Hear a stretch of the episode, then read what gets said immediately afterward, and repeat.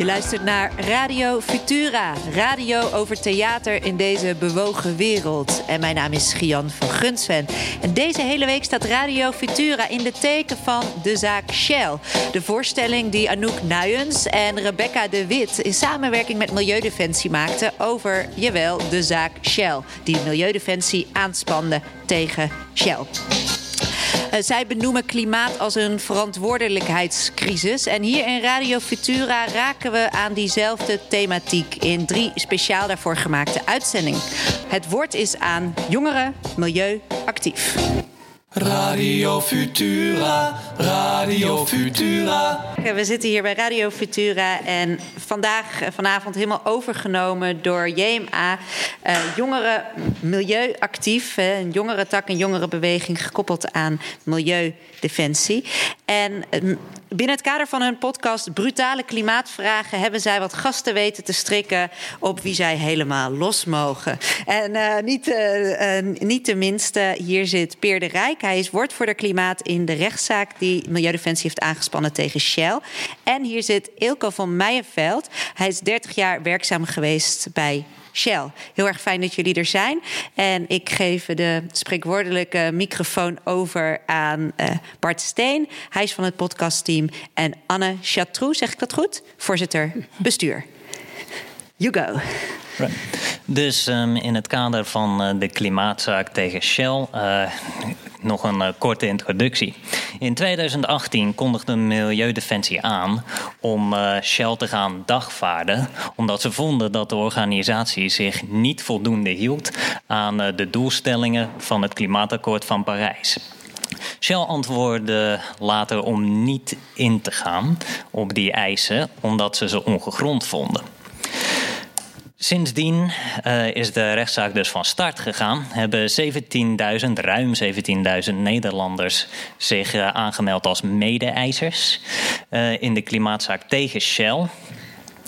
En hebben beide zijden zich voorbereid op de eerste zittingen die gaan plaatsvinden in december dit jaar. Bij ons, zoals gezegd, uh, zit Elko van Meijenveld, echt ex-technisch medewerker bij Shell.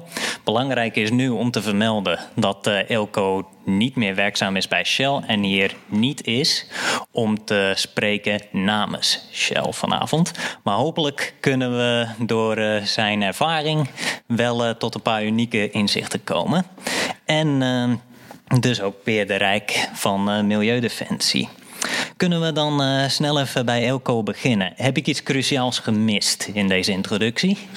nee, ik dacht het niet. Uh, de vlag dekt de lading. Oké, okay, bedankt. Uh, kun je dan even heel kort uh, vertellen waarom je in de tijd bent gaan werken bij Shell? Um, ja, ik, toen ik op de universiteit, uh, of de Technische Universiteit Delft zat, uh, was dat eigenlijk zo'n beetje het hoogst haalbare. Je had toen uh, echt het gevoel dat je bij ging dragen aan een betere wereld, brengen van welvaart, internationale carrière. Uh, dus ja, onder, onder uh, zeg maar studenten was dat toen uh, het, het mooiste wat je kon bereiken. En ik heb inderdaad een prachtige carrière gehad. heb voornamelijk in de development gewerkt van nieuwe olie- en gasprojecten. Heb in Amerika gewerkt, in Oman, Verenigd Koninkrijk, Duitsland. maar ik ben trouwens eerst begonnen bij een Amerikaans bedrijf en na twee jaar geswitcht naar Shell. Maar uh, ja, na 30 jaar heel veel verhuizen en uh, de laatste 15 jaar eigenlijk ook nog uh, gescheiden van de familie wonen, was het mooi. En ben ik eigenlijk acht jaar te vroeg gestopt. wel met pijn in het hart, maar ehm, ja, ik, ik heb een fantastische tijd gehad. Oké, bedankt. En uh, ja, dan. Uh... Uh, aan Peer eigenlijk dezelfde vraag. want de Shell-zaak loopt al sinds 2018. En ben je sindsdien ook al actief bij de zaak? Nee, ik ben in december vorig jaar begonnen bij Milieudefensie. Ik kende de zaak natuurlijk al wel. Ik ben langer actief in de milieu- en energiebeweging. maar ik ben vorig jaar december bij Milieudefensie begonnen als inhoudelijk medewerker op de zaak. Dus met een ja. aantal collega's bereiden wij zeg maar, de, de klimaatinhoudelijke kant van de zaak voor. Uh, samen met de juristen. Uh, Roger Cox is daarvan natuurlijk de, de, de, bekendste. Want die heeft ook de agendazaak gedaan. En die doet, die doet deze zaak ook voor ons met een aantal collega's. Dus ik ben de afgelopen, wat is het, acht maanden of zo... ben ik alleen maar bezig, vrij monomaan bezig geweest... met inlezen op uh, ja. de olie- en gassector... En dan heel specifiek Shell. Ja. ja. En, en kun je misschien iets meer vertellen over waarom Milieudefensie deze rechtszaak is begonnen? Ja, eigenlijk is het uh, uiteindelijk is het heel simpel. Uh, Shell pompt uh, gas en olie op en verbrandt dat, of is verantwoordelijk in elk geval voor het feit dat het verbrand wordt. En dat leidt tot gevaarlijke klimaatverandering.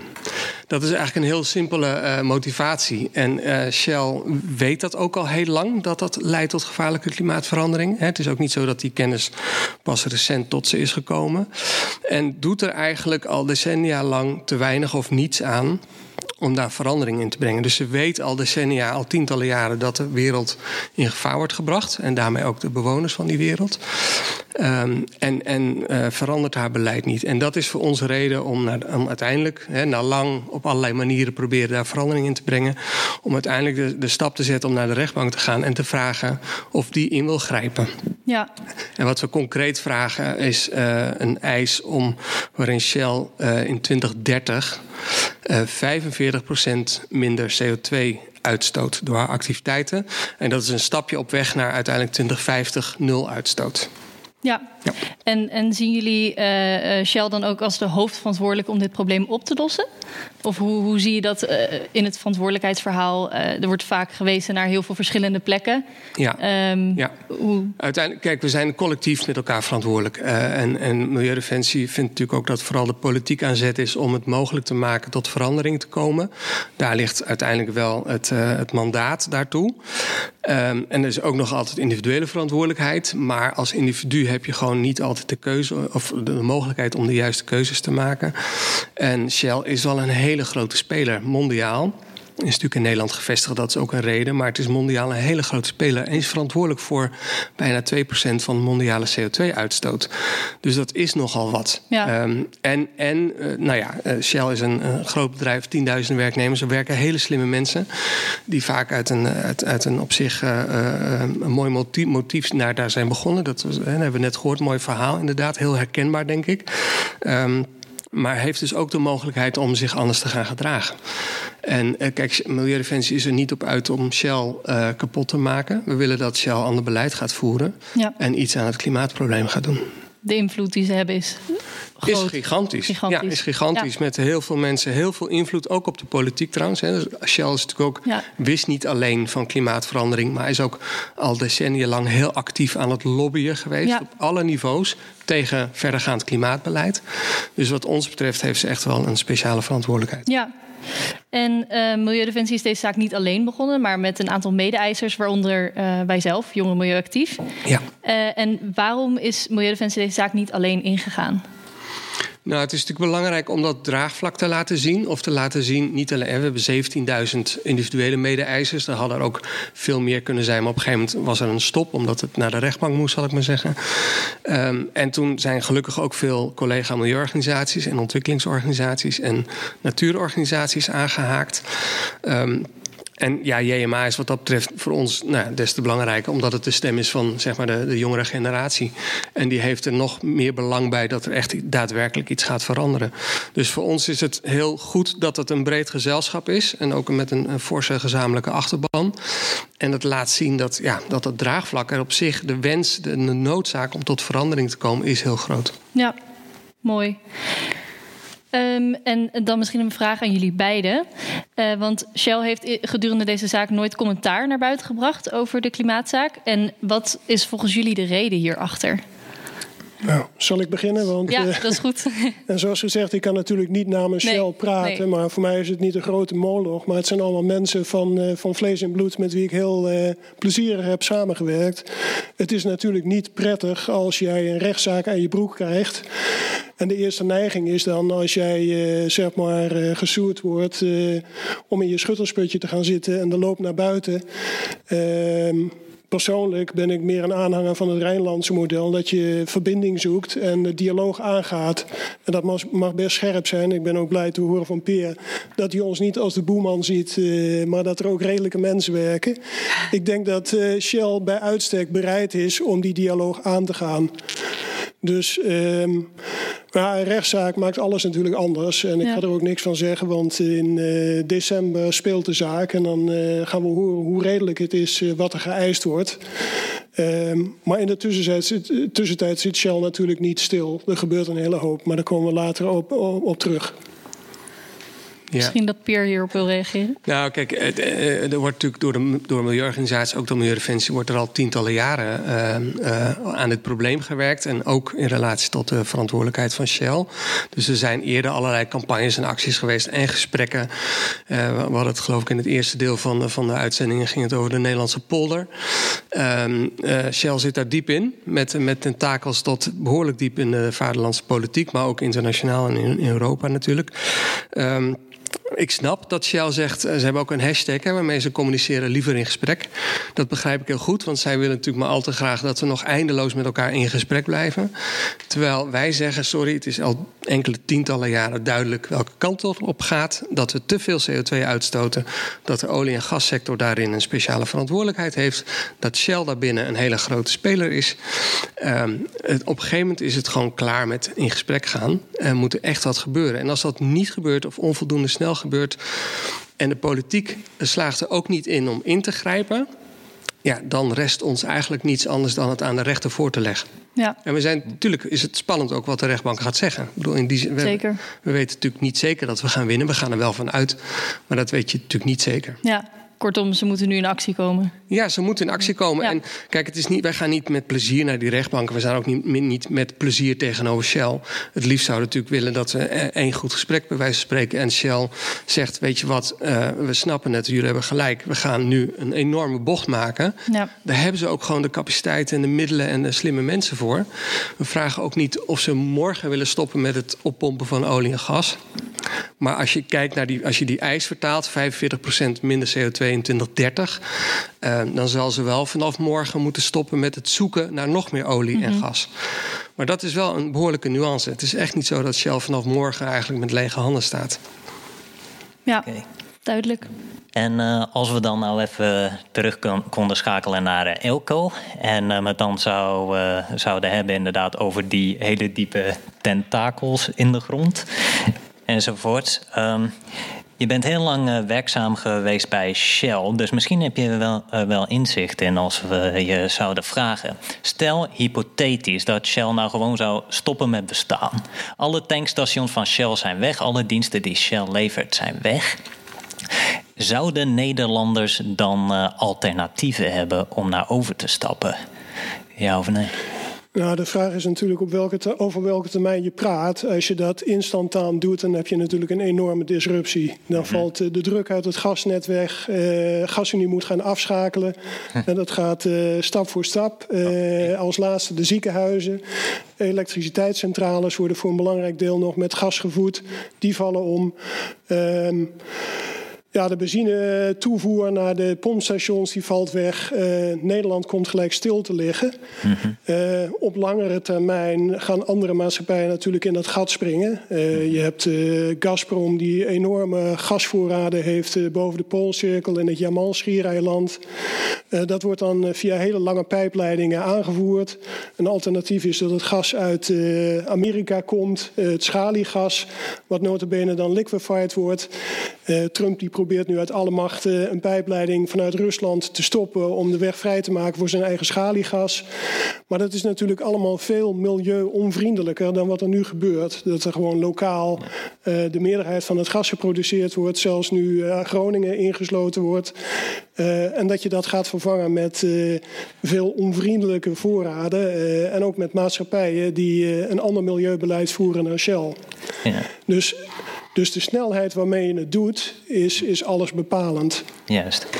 Ehm, nou, gelukkig dat Milieudefensie dan, uh, zoals je zegt, jullie niet helemaal als de boeman ziet, natuurlijk. Maar um, als ik het uh, goed begrijp, um, zou het wel een hele tijd duren voordat andere organisaties dat gat zouden kunnen vullen. Heeft Shell nu een behoorlijke monopolie op uh, die dingen die je hebt genoemd? Nou, het, het is niet eens zozeer een monopolie. ja, Shell Pernis levert natuurlijk samen met de Esso-raffinaderijen voor een groot deel aan alle pompstations. idem dito eh, de gasvoorziening eh, is voor een groot deel, eh, ja, dat gebeurt dan via de NAM en de Gasunie. NAM is een joint venture met ESSO. Maar dat kan je niet zomaar weghalen zonder dat daar enorme consequenties zijn. Uh, voor de langere termijn, uh, als anderen in het uh, gat springen, dan kun je de vraag stellen: waar ben je mee bezig? Ja, je, je, je duwt Shell out of business en je haalt maatschappijen binnen die jou veel milieu-onvriendelijke gas aanleveren. als jij schaliegas uit de Verenigde Staten gaat importeren, dan moet het eerst liquefied worden. Hm. nou, we weten allemaal wat, wat schaliegaswinning betekent in de Verenigde Staten, maar zij hebben een overproductie.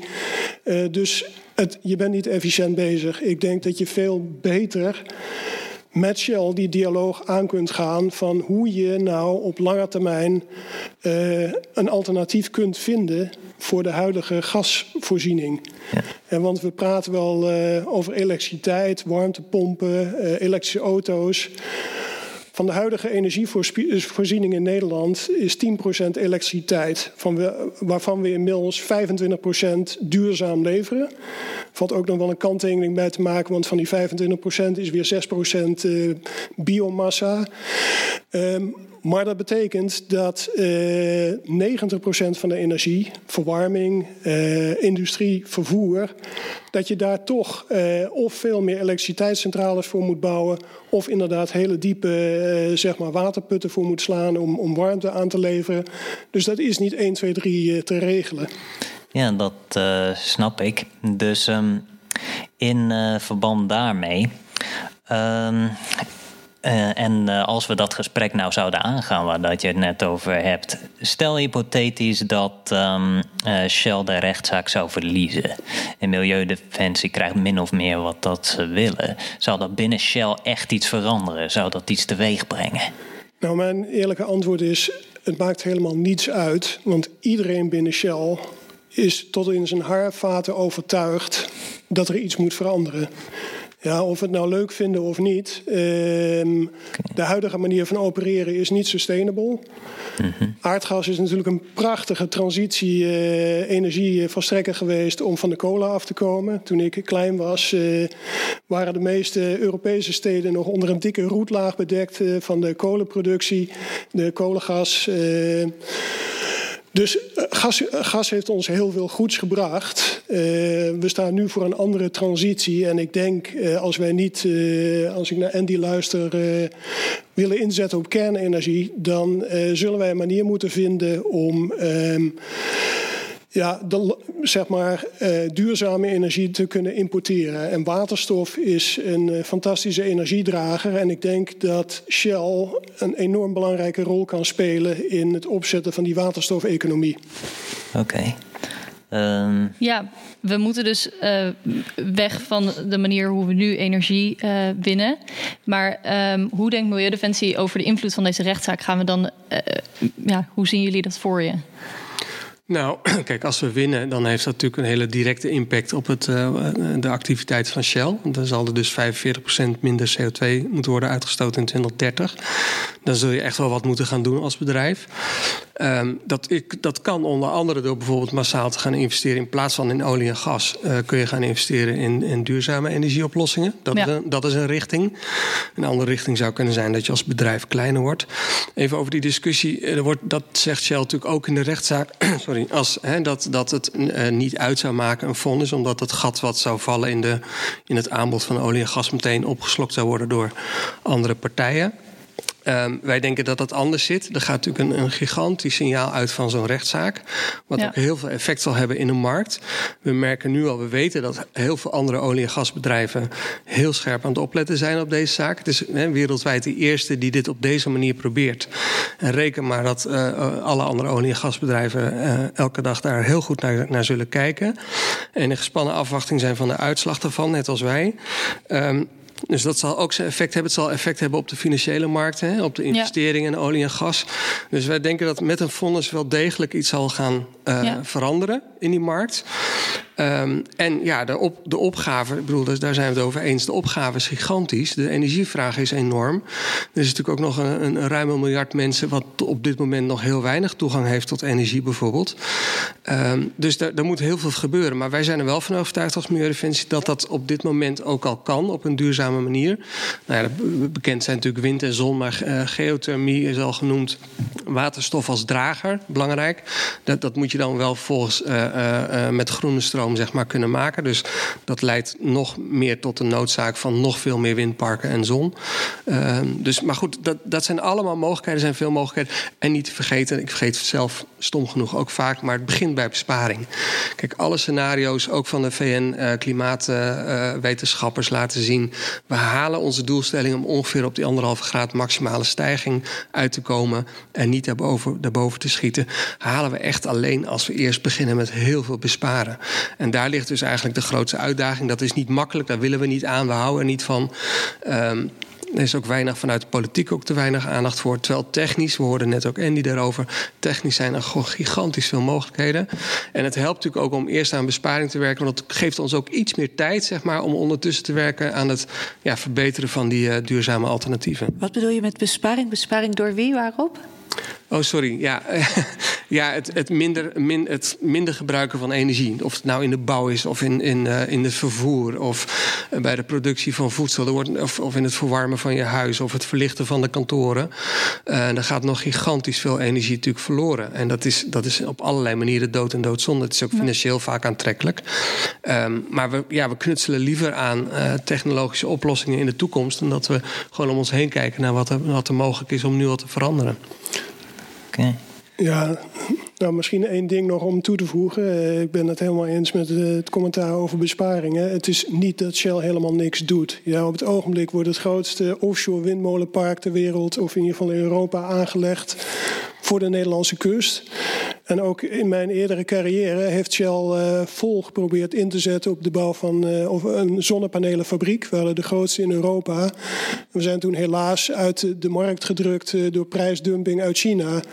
Dus ja, we, we, zijn wel degelijk, of ik mag niet meer we zeggen, maar ze zijn wel degelijk vol bewust dat, dat we moeten veranderen. Ja, en ehm, ja, de vraag is hoe snel kun je dat doen? Ja. Maar uh, desondanks um, uh, investeert Shell slechts 4% van hun uh, beschikbare fondsen in groene energie en groene in innovatie. Um, nou, ten eerste een nuancerende vraag. Is dat inclusieve in onderzoek naar innovatie, naar groene innovaties? Uh, is die 4% inclusief dat of niet? Ja, dat is typisch een vraag die je eigenlijk direct aan Shell zou kunnen stellen. Ik denk dat de crux is dat er nog altijd veel meer geld wordt uitgegeven aan de klassieke olie- en gaswinning dan aan renewables. En uh, dat, is, dat is zonder meer juist. Um, het is nu eenmaal zo dat, en dat is een duivels dilemma, we hadden het er net over, wat zou er gebeuren als Shell zou stoppen met olie- en gaswinning. Ja, meneer Van Beurden heeft wel 85.000 man personeel in dienst uh, die ook betaald moeten worden. Uh, ze hebben natuurlijk uh, allerlei pensioenfondsen die in Shell geïnvesteerd hebben, die ook rendement willen zien. Um, dus je kunt niet zomaar je bestaande business aan de kant schuiven. Ze proberen wel van alles. En uh, ja, verandering, uh, veranderingsprocessen die nemen niet lineair plaats, maar die vinden altijd via een S-curve plaats. In het begin lijkt het alsof er heel weinig verandert. Maar als je iets, een winningmodel hebt, dan schiet dat ineens omhoog. Ik weet dat wij uh, in, in Drenthe tien jaar geleden de eerste zo'n beetje waren met zonnepanelen op het dak. Uh, de afgelopen twee jaar is dat, heeft gewoon een enorme vlucht genomen. En ik weet zeker ook als Shell dat waterstofmodel aan de praat krijgt, dat die, uh, dat die uitgaven daarin, of investeringen, exponentieel gaan stijgen. Wij hebben natuurlijk in Nederland lang niet genoeg ruimte voor, voor windmolens en uh, zonnepanelen om de volledige 100% aan energievraag af te dekken. Maar als je kijkt waar die ruimte wel is, uh, bijvoorbeeld in Marokko, waar nu grote zonneparken aangelegd worden, Australië, het Midden-Oosten. dan hebben ze de ruimte daar wel. De enige vraag is hoe krijg je die energie van uh, de producent naar de verbruiker? En ik ben ervan overtuigd dat waterstof daar een, ja, een uitstekend medium voor is. En daar zet Shell ook volop in. Oké. Dat is uh, hartstikke goed om te horen. Um, en nu dat je het hebt over uh, al die uh, verschillende technologieën. Uiteindelijk, als we willen dat er iets gaat veranderen, zul je toch groene energie of duurzame energie goedkoper moeten maken dan fossiele brandstoffen. Daar is een enorme shift voor nodig. Dus um, waarom, als we nou eventjes het aan kunnen houden, waarom investeert Shell dan niet meer in, uh, fossiel, uh, sorry, in uh, groene energie? Ja, het probleem is, niemand heeft een silver bullet. Ja, als meneer Van Beurden een grote switch had waarbij hij van de ene, het ene bedrijfsmodel kon switchen naar het andere, dan zou dat prima zijn. Maar dit soort transities gaat in kleine stapjes totdat je een breakthrough hebt. En ik denk persoonlijk dat er een aantal ontwikkelingen zijn die mogelijk voor de tra traditionele olieindustrie het Kodak-moment zijn. Een van die ontwikkelingen is dat bijvoorbeeld bijvoorbeeld Tesla nu bezig is met een accu, uh, het heet de Solid State Battery, die de opslagcapaciteit meer dan verdubbelt. Als dat zo is en, en ook nog eens goedkoper maakt, als dat zo is, dan worden elektrische auto's concurrerend tegen benzineauto's. Ja, Elon Musk die heeft al voorspeld dat er na 2025 geen benzineauto's meer verkocht worden. Ja, nou, hij heeft een hele grote mond, maar je kunt hem één ding nageven: dat hij altijd levert van wat hij, uh, wat hij zegt. Het tweede is, uh, we hebben zonnepanelen gehoord. Uh, die hebben nu een rendement van ongeveer 20% van het zonlicht wat ze om weten te zetten in bruikbare elektrische energie. Nou, er zijn allerlei coatings nu in ontwikkeling die dat aandeel verdubbelen. Ja, dat betekent dus dat de energie uh, van een zonnepaneel, en voor mij is het nu al hartstikke aantrekkelijk, met een terugverdientijd van zeven jaar, maar die, die worden nog eens een, uh, een uh, orde van grootte aantrekkelijker dan wat ze nu zijn. Dus ik denk, hè, omdat nu de volledige brainpower in, in de meeste industrielanden gefocust is op die verduurzaming, dat je op een gegeven moment een aantal breakthroughs gaat krijgen en dat, ja, dat ook de klassieke olieindustrie zijn Kodak-moment gaat beleven. Oké. Okay. Um, dus als ik nou eventjes uh, heel erg brutaal mag zijn. Nou, hopelijk iets minder. het heet brutale klimaatvragen, hè? Um, je, je zegt dus, um, je hebt nu al die technologieën beschreven en je zegt dat dat allemaal gaat gebeuren uh, en zo. Maar um, alsnog investeert Shell maar 4% daarin. Um, ik, uh, ik kon toch niet uh, het idee loslaten, nu, nu net, dat je eigenlijk zei dat het sowieso wel gebeurt en dat Shell daar, uh, daarom niet dus de, de druk voelde om daar meer nu in te gaan investeren. Of heb ik dan mis? Nee, dat heb je niet goed begrepen. Shell okay. voelt wel degelijk de druk. Ja, okay. het is sowieso de klimaatvraag, maar het is ook de wetenschap dat de wereld gewoon pijlsnel aan het veranderen is. Mm-hmm. Ja, dus de brainpower die in, in Amsterdam zit, het Research Lab, is daar gewoon vol mee bezig. Ja, het, het is wat ik gezegd heb, het is een S-curve. Je probeert iets, je gooit wat visjes uit en op het moment dat je beet hebt, dan ga je er vol voor. Mm-hmm. En we zijn nu uh, in die transitieperiode. Okay. Ja, maar het is, het is waar. Je kunt niet uh, zomaar je oude bedrijfsmodel bij het oud vuil zetten zonder dat je iets hebt wat werkt ja, wat daarvoor in de plaats kan komen. Oké. Okay. Um, en uh, op, uh, op dat bepaald uh, onderwerp, um, stel dat die. Um, Stel dat die transitie er dan wel komt, dan moet Shell ook uh, naar groene banen overstappen. Ik geloof dat daar nog uh, ja. over. dat klopt. Uh, inderdaad, we moeten weg naar fossiel, we moeten naar uh, duurzame alternatieven en uh, daarbij horen dus ook nieuwe groene banen. En die, de vraag is eigenlijk, wat zou je ervan vinden als deze transitie, als we, als we de Shell-medewerkers meenemen naar die groene banen, dus alle werknemers meenemen en Shell transformeren tot een volledig groen bedrijf? Ja, nee, dat, dat zou uh, fantastisch zijn. Uh, maar je moet het wel doen als er perspectief is op, op iets beters. Ja, op het moment dat uh, de MD van Shell, meneer Van Beurden, dat zou doen dan staat hij binnen de week eh, buiten zijn baan, omdat de, de Raad van Commissarissen dat niet pikt. Ja, dus je moet wel uh, een perspectief bieden op een, op een andere toekomst. Ik weet zeker dat. Financieel perspectief bedoel je? Of wat bedoel je met perspectief? Nee, het perspectief uh, voor de mensen die nu het bedrijf bezitten. De aandeelhouders, ah. de pensioenfondsen, uh, die vertegenwoordigd zijn door de Raad van Commissarissen. Ja, het, is, het, klinkt een beetje technisch. Ik Daar weet. Dat ik eventjes uh, niet hem opgegeven, ja. Nee, ik weet echt dat nou misschien niet 100%, maar 99% van de Shell-medewerkers dolgraag uh, dat pad in zouden slaan. Iedere keer als ik naar Amsterdam ging uh, voor overleg over research, dan werd ik erover aangesproken: wat kunnen wij doen? Ja, ze willen wel, maar zoals gezegd, er is nog niet een silver bullet die voor Shell precies uh, laat zien wat voor alternatief er om de hoek ligt. We zijn ermee bezig. Er zijn allemaal fiches uitgegooid. Door de gigagroot uh, windpark gebouwd, offshore. Um, Shell is ook in biofuels. Uh, ze hebben in Zuid-Amerika allerlei bio-ethanol opgezet. Dus er wordt van alles geprobeerd. Maar de silver bullet is er nog niet. Oké. Ja. Misschien dat Peer hierop wil reageren. Ja, zeker. Uh, ja, op heel veel punten. Nou, kijk, ik, eerst maar eens even die... Wat was het? 85.000 mensen die bij Shell wereldwijd ja. werken. Dat lijkt mij een geweldige kracht voor uh, verandering. Ook intern binnen het bedrijf. Als wat je zegt klopt, dat een heel groot deel daarvan... en dat geloof ik graag, uh, verandering wil... dan zouden ze eigenlijk ook eens wat meer druk moeten gaan zetten op die top. Want Ben van Beurden, die ken ik alleen maar als iemand die zegt... ik pomp alles op wat er nog op te pompen valt.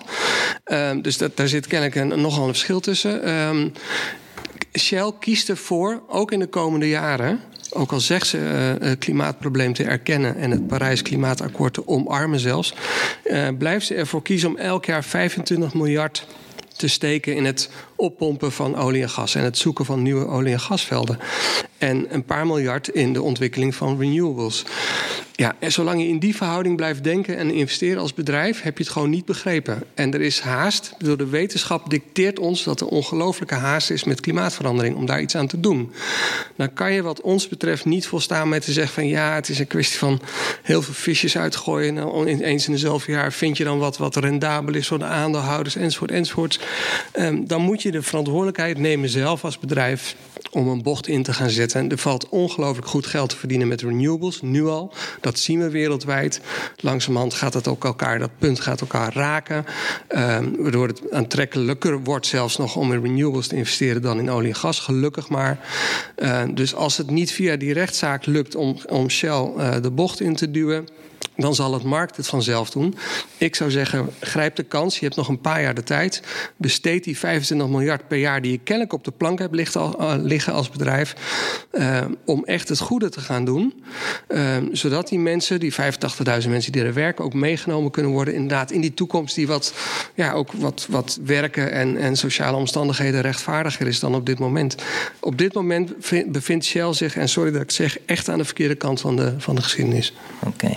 Ja. En uh, als we. Nou. Ja, nou, het is dus een goed punt. Uh, inderdaad, uh, aan de verkeerde kant van de geschiedenis. Uh, Shell is al aan het wegbewegen uit de olie, is al jaren bezig om zeg maar te switchen naar het gas. Ja, dat is in zijn klassieke business.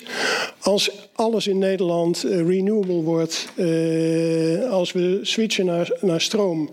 Ja, als we allemaal warmtepompen in ons huis gaan neerzetten, als wij allemaal elektrische auto's gaan kopen, dan heb je nog de vraag: hoe ga je die 90% extra elektriciteitsvraag afdekken? Ja, op de lange termijn ben ik het helemaal met Peer eens. Als we daar een oplossing voor weten te vinden die volstrekt sustainable is, doen. Op de korte termijn is dat er gewoon nog niet. Ja, dus als wij alleen al zeg maar kunnen switchen met ons thuisgebruik naar elektriciteit. Mhm. En dan zorgen dat eh, de energielevering aan een aantal puntsources plaatsvindt. Dan wordt dat later veel makkelijker om uh, te verduurzamen. dan dat je dat allemaal individueel moet gaan zitten oplossen. Ja, dat uh, snap ik.